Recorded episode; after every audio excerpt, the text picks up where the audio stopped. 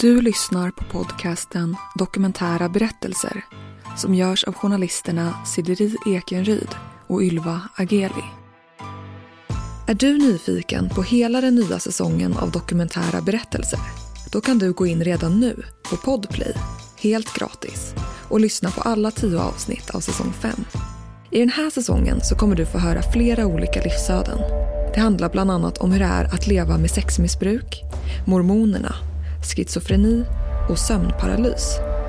Men det handlar också om ufon och om vårt medvetande överlever döden. Och såklart mycket, mycket mer. Gå in på Podplay och lyssna på hela säsongen redan idag. Helt gratis. Ungefär 16 personer. Så många kvinnor mördas i Sverige varje år av sina män. Ta det lite mer på allvar känner jag. Det är liksom om någon blir misshandlad och de anmäler. Ja, de tar med sig honom för över natten men släpper tillbaka honom lika fort dagen efter. I det här avsnittet hör vi Marika berätta om sin mamma Annika och vad som hände henne. Och där har de polisen sagt att vi har påträffat en kvinna död i sängen. Eh, så det var den vägen vi fick reda på att hon hade dött och då hade det gått fem dagar hade hon legat där.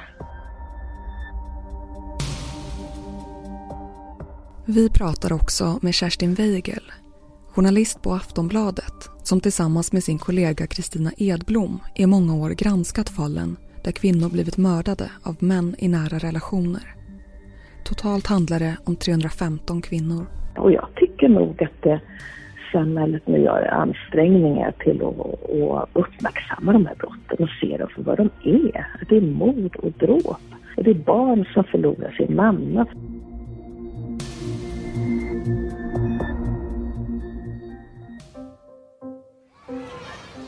Marika beskriver sin barndom som väldigt bra. När hon är liten är hon ute mycket och leker och hon växer upp med båda sina föräldrar och sina tre bröder. Men vid 13 års ålder så skiljer sig hennes föräldrar. Nej men det var väl liksom mycket, min pappa grejade mycket med bilar i garaget och liksom var väl inte hemma så mycket speciellt. Eh, så det var väl liksom den och ja, hade väl växt ifrån varandra lite grann. Men det var liksom inte våld på det sättet utan det var ju bara ja, men de bråkar som par gör, tjafsar, kommer inte överens. Eh, ja, så det var väl mest det, så det var inget, all, inget allvarligt så då. Hennes mamma Annika jobbar på rättspsyk och är borta en del på nätterna när hon arbetar skift. Men Marika väljer ändå att bo heltid hos henne. De har en väldigt nära relation.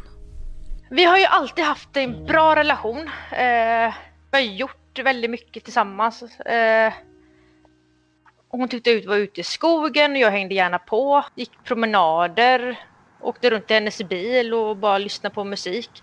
Vi älskade ju Céline Dion båda två så vi satt alltid och sjöng i bilen allt vad vi kunde liksom.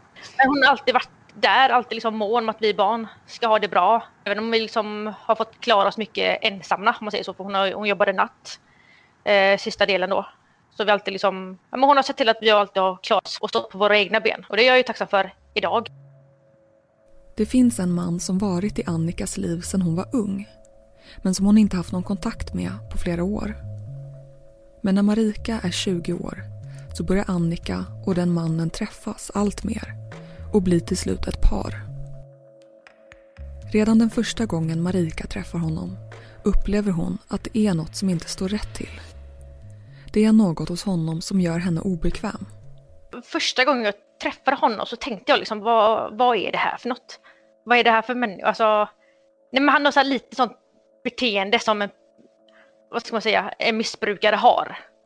Och redan där kände jag liksom att nej, det här är ingen person för min mamma som ändå Mamma har jobb och hem och körkort och dricker inte alkohol och han är liksom raka motsatsen. Eh, så jag vet, jag sa till min mamma också liksom att det här känns inte bra. Ehm, och det är det, man ska alltid lita på sin magkänsla. Och jag vet att jag sa till henne liksom att nej, jag vill inte att han ska vara i närheten av, av mig för då jag skulle få barn strax efteråt då. Och sa det, jag vill inte att han är i samma rum som mitt barn. Alltså, men det är sånt beteende han har där jag känner liksom att åh, jag blir, det, det blir obekvämt att vara i samma rum som honom. Han var jättetrevlig och så, så pratade jättemycket men det är liksom sättet hur han rör sig på. Han är väldigt hetsig i sitt sätt och liksom skrattar väldigt högt och ingen förstår vad det är han skrattar åt. Eh, det blir bara, hela situationen blir bara jättekonstig och jag kunde se på min mamma vissa situationer att hon kände liksom bara hehehe, typ. Alltså, idén var ju från början när vi började för många år sedan, det är ju 10, snart 11 år sedan. Det här är Kerstin Weigel, journalist på Aftonbladet och som i många år granskat de fall där kvinnor blivit mördade av män i nära relationer var att försöka ta reda på hur många kvinnor är det egentligen i Sverige som dödas av sin man eller pojkvän eller ex-man varje år. Framförallt, vilka är de? Därför det är så att en del av de här morden på kvinnor blir jätteuppmärksammade. Och ofta handlar det om en kvinna, en ung kvinna som är försvunnen, gåtfullt, hittas dödad och det är som en sorts historia som vi alla känner igen och som medier har eh, ägnat sig mycket åt i alla tider. Så finns det populärkulturen också, i, i filmer och tv-serier. Men så är det alla de här andra morden som bara blir en liten konstig notis i tidningen. Så här, kvinna svårt skadad efter lägenhetsbråk till exempel. Kvinna hittad död, ja det är en familjetragedi säger polisen. Och det är liksom en annan sorts mord har man ansett det. Vi ville få liksom en helhetsbild. Om man tar samman de uppmärksammade morden och de alls icke uppmärksammade morden, vad är det man ser då? Tillsammans med sina kollegor lyckas hon hitta alla fall och börjar gå igenom både domar och förundersökningar. Men också pratar de med anhöriga. De anhöriga var ju också en väldigt viktig informationskälla. De kände ju till allt det här som hade hänt i kvinnans liv innan hon blev dödad. De visste vilka varningssignaler som fanns. Hur hon kanske på olika vis sökte hjälp eller var i kontakt med kvinnojourer, med polis och eh, så på det viset så fick vi en eh, ganska tydlig och väldigt detaljerad bild av hur de här morden går till. Annika och hennes nya pojkvän umgås allt mer. De åker iväg på badutflykter. De fiskar och bor i tält. Nej men hon har ju alltid sagt att hon vill hjälpa honom. Hon vill, hon vill att han ska bli av med drogmissbruket och liksom få honom att komma på fötter från allt han höll på med liksom. Eh, och det är ju det, du kan inte lära en gammal hund att sitta. Alltså han var ju ändå över 50 år och liksom han har ju inte viljan till det heller. Men hon, eh, ja, hon tog på sig att hon skulle hjälpa honom och rädda honom från allt, från hans situation då. Marika gör det tydligt att hon inte vill att mannen ska få träffa sin nyfödda son. Hon upplever honom som obehaglig och vet att han missbrukar droger. Nej, men då ställde hon ju sig på hans sida. Och liksom, ja ah, nej, men då sitter vi här hemma vi två då. Och liksom hon, eh, jag vet att min son fyllde ett år och hon dök inte upp. Och jag vet ju att hon var ju jätteglad i mitt barn. Men så tänker jag ju då att, aha, är det för att hon inte fick åka dit? Eller var hon sur för att jag sa till henne att jag inte vill att han ska följa med? Äh, jag misstänker ju, för jag har ju fattat det som att det har varit lite slag hit och dit. Att det kan ha varit en sån grej att ja, hon har varit slagen och att det har synts på henne. Det är vad jag tror, för jag vet liksom inte annars varför hon inte skulle åka dit. Med tanke på att hon har ju avgudat min son så mycket då. Det är ju hennes första barnbarn så det är ju väldigt speciellt. Den 23 december 2014. Marika och hennes storebror har varit i Nordstan i Göteborg och handlat julklappar under dagen. På kvällen sitter hon hemma med sin sambo och tittar på TV när hennes pappa ringer på dörren. Och så jag blev liksom ställd för att vad gör du här? Alltså så här sent på kvällen, du brukar ju inte liksom komma hit typ. Och då stod han bara innanför dörren. Och så sa han, nej så drog han, han drog mig in till sig och sa, han bara kramade mig. Och jag tänkte bara, men, vad, vad håller du på med? Och då sa han, mamma är död. Och då tänkte jag liksom, ha min farmor då, för att han säger ju mamma till henne. Och så tänkte jag, jaha, hur har hon dött? Ja, hon är gammal kanske. Eh, men då sa han att ja, de har bråkat. Och jag vet att jag tänkte, ja, min farmor och hennes gubbe, har de bråkat. Men då sa han att eh, de har varit i lägenheten, polisen har varit i lägenheten. Och då blev jag liksom, fan menar du min mamma? Och jag, liksom, jag, jag blev så chockad och tänkte bara, hur, vad fan ska jag göra nu? Alltså det är sånt här man bara läser om alla andra. Och tänkte hur ska jag överleva utan min mamma? Alltså hon är ju den personen jag behöver mest i mitt liv. Hur fan ska jag kunna gå vidare utan henne liksom? Han berättar vad som har hänt. Marikas storebror har blivit kontaktad på Facebook av en granne till mamma Annika med frågan om vad som har hänt eftersom ambulansen är där. Och då hade ju pappa och min bror åkt dit. Och då hade ju polisen där frågat om de kom från begravningsbyrån. Och de hade sagt nej, nej vi, eh, det är min mamma, han hade sagt att det är ja, hans före detta eh, fru då. Och eh, mamman till pojken som bor där. Ja, vad har hänt? Och där har de polisen sagt att vi har påträffat en kvinna död i sängen. Så det var den vägen vi fick reda på att hon hade dött. Och då hade det gått fem dagar. Hade hon legat där. Under 2000-talet är det ungefär 16 kvinnor per år som mördas av sina män, pojkvänner eller ex. Vi pratar med Kerstin Weigel om varför det är så svårt att få ner de siffrorna. Det är ju komplext och det är klart att jag tycker att det är sorgligt och även upprörande att, eh, att det ska vara så svårt att, att få ner de här siffrorna. Ehm, jag är ändå optimist för att man kan välja att vara det och för att jag tycker att det finns anledning att vara det. För jag tycker att attityden till de här brotten ändå är väldigt annorlunda och det handlar faktiskt om synen på brotten. Jag vet ju när jag började arbeta som journalist för många år sedan på 80-talet så vet jag att man ansåg på riktigt att de här eh, morden eh, som skedde hemma eh, var, ansågs vara familjetragedier det var kort sagt ingenting man skulle ägna sig åt. Eh, det var något i familjens egna angelägenheter, en svartsjuka som gått överstyr och, så sådär, så, så lämnade man det. Det var liksom ofint. Man skulle inte skriva om de brotten lika lite som man skulle skriva om självmord och så. Jag upplever inte att vi har den situationen riktigt nu. Jag tycker att det går att tala om de här brotten och bekanta sig med dem och gradvis blir varningssignaler mer kända hos dem som behöver veta det. Därför att de här kvinnorna har i väldigt hög grad eh, bett om hjälp. Och dessutom har vi förstått då under åren med den här undersökningen så är även gärningsmännen inte sällan själva bett om hjälp. Eh, de har inte blivit igenkända när de kommer till eh, vårdcentralen kanske och säger att de är deprimerade, de kan inte sova, deras fru ska lämna dem, de är förtvivlade, de har konstiga tankar. De tänker på att de ska ta sitt eget liv. Och det är pusslet med de varningssignalerna, därför att en separation och en man som beskriver som mående och kanske ett återupptaget missbruk i kombination med att han riskerar att förlora sitt jobb eller så. Det blir väldigt farligt sammantaget.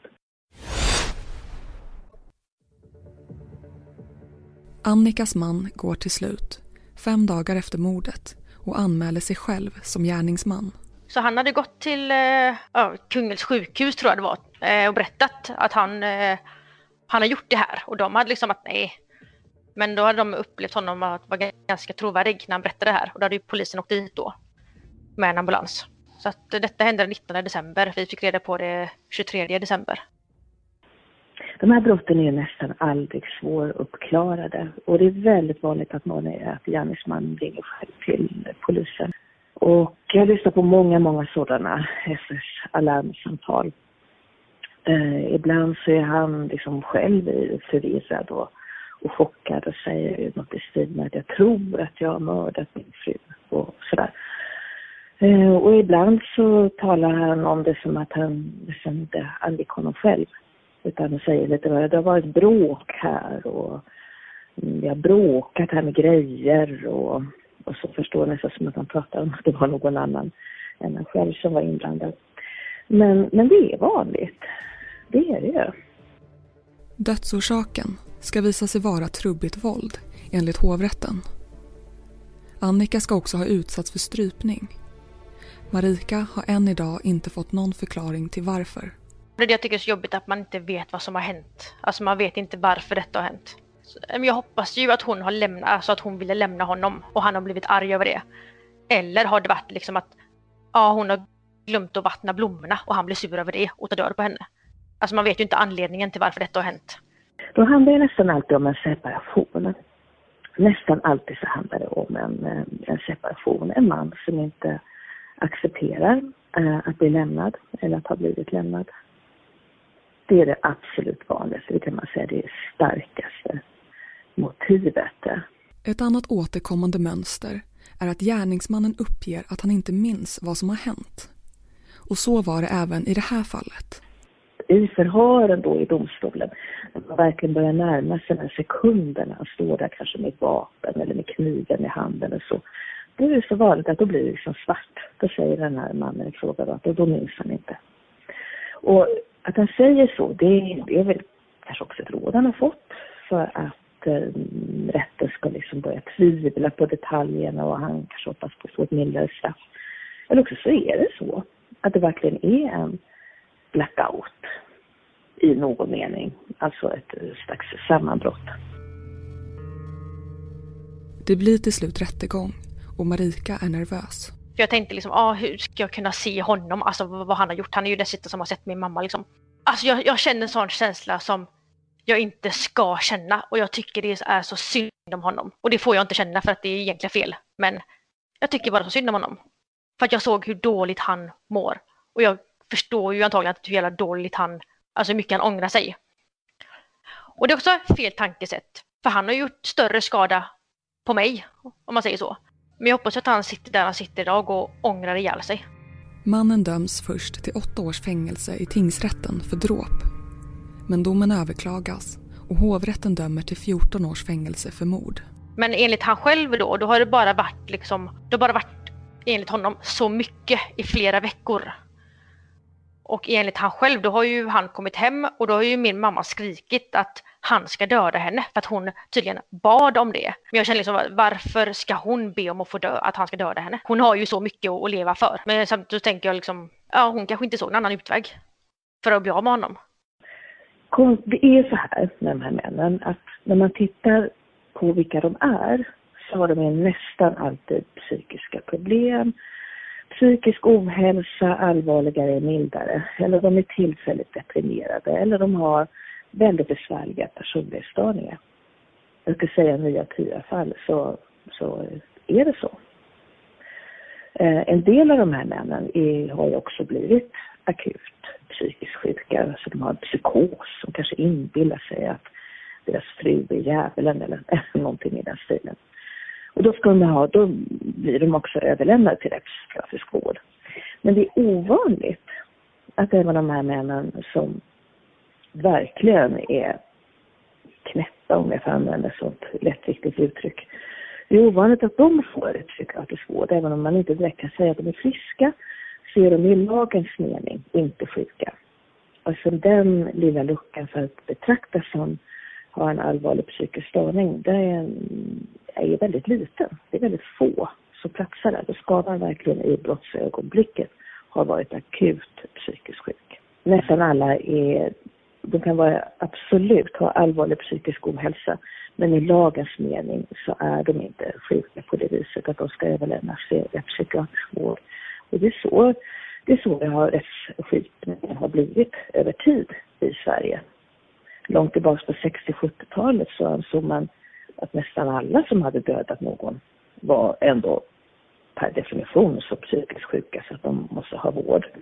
Men det här har vi ju ändrat, eller ja, våra politiker har ändrat det åt den här riktningen, eh, att det är fängelse som gäller. Jag lägger inga åsikter på det här men det betyder att de här männen som har allvarlig psykisk ohälsa är ju fängelse. Någon gång ska de ju komma ut och då har de inte fått någon vård. Marika visste aldrig vad hennes mamma utsattes för i sitt hem.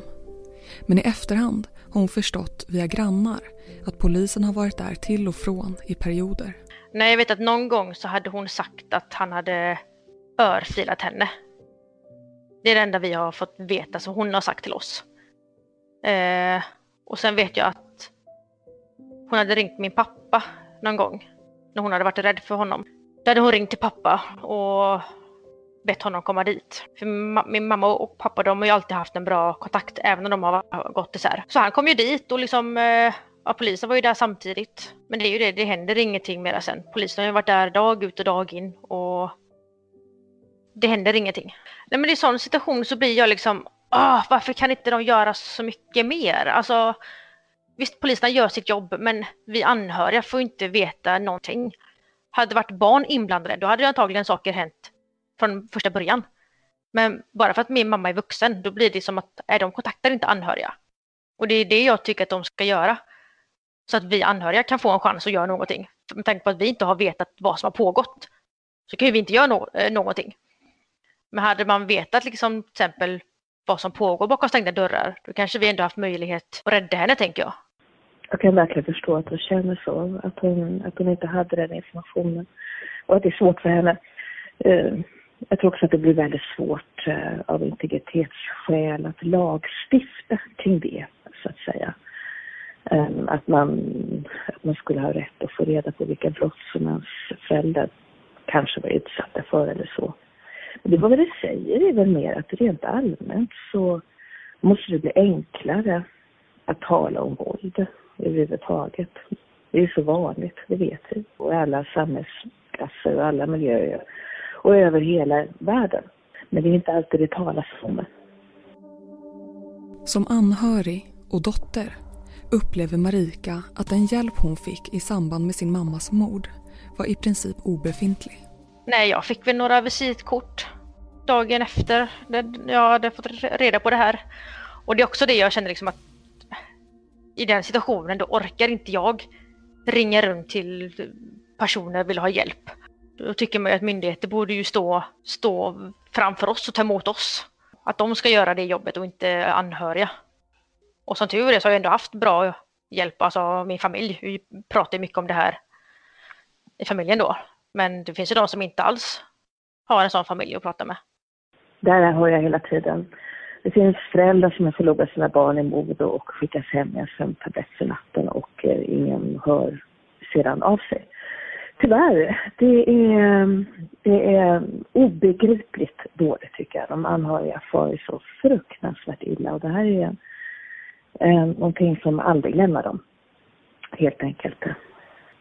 De är ju naturligtvis brottsoffer och de kommer behöva ett stöd under lång, lång tid och allra mest skakar det över ett barn som förlorat sin mamma i ett mord, kanske till och med sett brottet eller varit hemma att, man, att de inte får ett bättre omhändertagande därför att det är också väldigt, väldigt olika. Man är, när barnen är prisgivna åt vilken socialnämnd som de råkar tillför, tillhöra.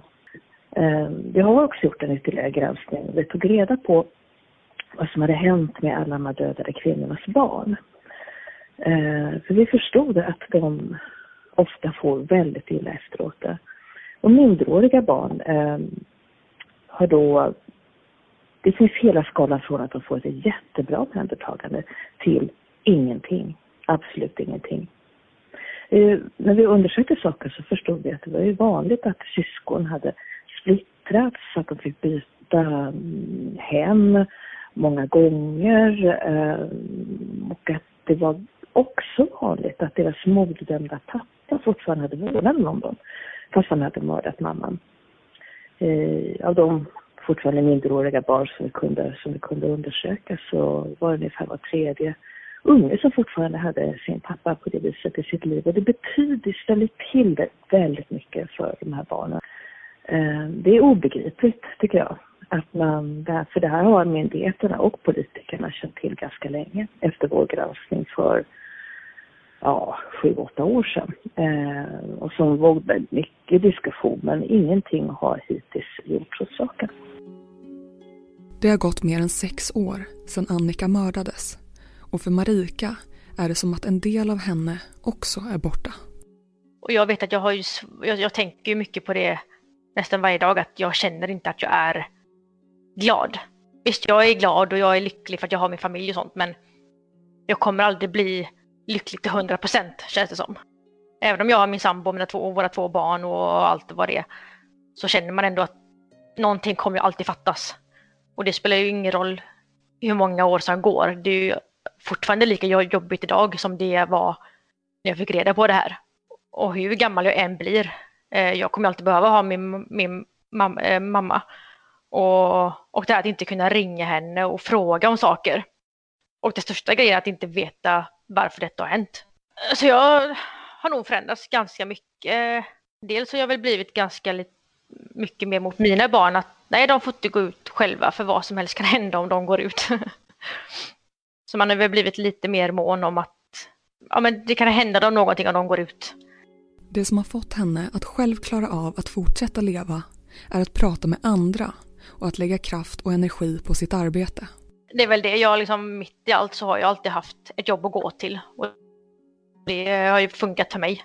Att jag vill inte bara sitta hemma och fundera på det här utan jag vill ha något att göra för att koppla bort det lite grann. Så jobbet har ju varit en stor eh, räddning i det. Eh, och sen har jag varit väldigt öppen med det här också. Jag pratar ju om det här jämt, känns det som, med mina anhöriga. Och sen att man har barn har väl också fått mig att gå upp ur sängen på morgonen. De anhöriga får ju så fruktansvärt illa efter de här brotten. Och det, jag känner igen det här att det är många olika sorters starka känslor. Det är inte bara sorg och saknad, det kan också vara någon slags ilska över en mamma som som utsatte sig själv för det här, tycker då de andra, eller som utsatte sig för ett missbruk eller, som, eller vad det nu kan vara. Det blir väldigt så starka känslor. Det blir det. Jag tycker ändå att det är, och det är så fantastiskt att de, att de som med Marika här låter sig intervjuas och ändå berättar sin historia för att de vill ha uppmärksamhet kring de här, kring de här morden och dråpen. Jag är så, många gånger så imponerad av de här personerna mm. um, som jag har följt i många år. Som, som ställer upp och som pratar offentligt. För dem är det ju bara jobbigt egentligen. Det är ju bara smärtsamt. När man tycker att det gör skillnad och faktiskt har de rätt i. Jag tror media har en jätteviktig roll i att förändra synen på de här brotten. För det är de här historierna som får alla oss andra att förstå hur svårt det är och hur farligt det kan utvecklas. Jag vet att jag pratar mycket om min mamma med mina barn för att jag vill att de ska få en relation med henne. Eh, även om de inte riktigt tar någon minne av henne så vill jag ändå att hon ska vara en del av deras liv. Så jag visar mycket bilder på ja, min stora son och, och, min mamma då. Där finns det bilder på dem. Så jag visar bilder på dem och pratar mycket om henne. Vi åker till graven ganska ofta för att de ska veta liksom, ja, här ligger mormor. Så vill jag ändå att hon ska vara en del av deras liv, även om hon har gått bort. Trots att det har stiftats flera nya lagar med syfte att skydda kvinnor så har alltså inte mordtalen gått ner. Vi frågar Kerstin Weigel vad mer hon tror behövs göras i samhället. Till att börja med så måste vi då, det här grundläggande med synen på brottet, vi måste en gång för alla eh, sluta och undra över att kvinnor inte lämnar en våldsam relation till exempel. Det känner säkert igen så här. Men varför lämnar hon honom inte? Det är väl bara att lämna? Nej, så är det inte. Det finns olika psykologiska faktorer till att man inte lämnar en våldsam partner. Det kan också vara ett övervägande, har vi förstått, att hon tycker att det ändå är lite säkrare att vara kvar i den här relationen. Särskilt om hon har barn med honom. Därför att är hon kvar så har hon liksom koll på honom. Då kan hon bedöma och avstyra farliga situationer. Så det är jättevanligt. Det handlar också om större möjligheter till skydd för den som faktiskt lämnar relationen. Um, här är kvinnojourerna är en sån viktig institution som inte har något stabilt stöd. De får ansöka om pengar år för år. Vi har en bostadsbrist i Sverige. Det finns mycket sådant, men ett tryggt stöd är jätteviktigt. För finns inte ett boende och att en kvinna kan återupprätta ett liv med sina barn, eh, om hon upplever att samhällsstöd sviktar, då faller hon också tillbaka och tänker att jag kan lika gärna chansa på att han inte slår ihjäl mig därför att jag får ingen hjälp i alla fall. Vad finns det då för råd till den som just nu är utsatt för våld i sin relation? Det viktigaste var alltid berätta för dina anhöriga vad som pågår, tycker jag. För eh, jag hade önskat att jag hade vetat hur det såg ut hemma hos min mamma bakom deras dörrar. För det känns som att hade man vetat då kanske man hade kunnat göra någonting åt det. Jag tycker att man också ska tänka på att jämfört med många andra hemska länder i hela världen så är det inte vanligt med dödligt våld. Det är inte vanligt att det går så långt som till dödligt våld. Men det är illa nog att bli allvarligt våldsutsatta. Första, eh, berätta det. Det är otroligt viktigt eh, att, att man gör det. Eh, och jag har så många exempel på att det är helt avgörande att det finns den där eh, vännen eller kollegan som, som vill lyssna. Som orkar ta emot, som vill lyssna utan att fördöma. Så lyssnar och säger liksom, ja vad du säger, och, men inte börja liksom eh, styra och ställa. Åh du, lämna honom nu redan idag. Och så, förstår, det är inte det. Utan det är en, det är en bra början. Berätta. Men det är liksom en bit man alltid får leva med. Man glömmer aldrig. Alltså det är lika jobbigt. Nu har det gått sex år. Det är lika jobbigt idag. Som det var första dagarna. Och jag tror ju aldrig att livet går ju aldrig vidare. Som alla säger att ja, livet går vidare. Men det gör ju faktiskt inte det. Utan man, man får bara leva med det. Och det är väl där jag känner att jag har inte lärt mig att leva med det än. För jag vet liksom inte. Jag tror inte ens att min sorgeprocess har börjat. Jag väntar fortfarande på att chocken ska komma liksom. Jag är så rädd för att glömma. Glömma hur hon pratade, hur hon luktade, eh, hur hon var. Alltså jag, bara, jag, jag skulle leva många år till utan henne. Och det är nog en av min största rädsla, att glömma av det. Första veckan efter hon hade gått bort, eh, då vet jag att det flög in en, en fågel i fönstret varje dag, samma tid, en veckas tid. Den åkte in i fönstret varenda dag klockan sju på morgonen. Och då var ju min, min första tanke att ja, det här måste ju vara ett tecken från min mamma.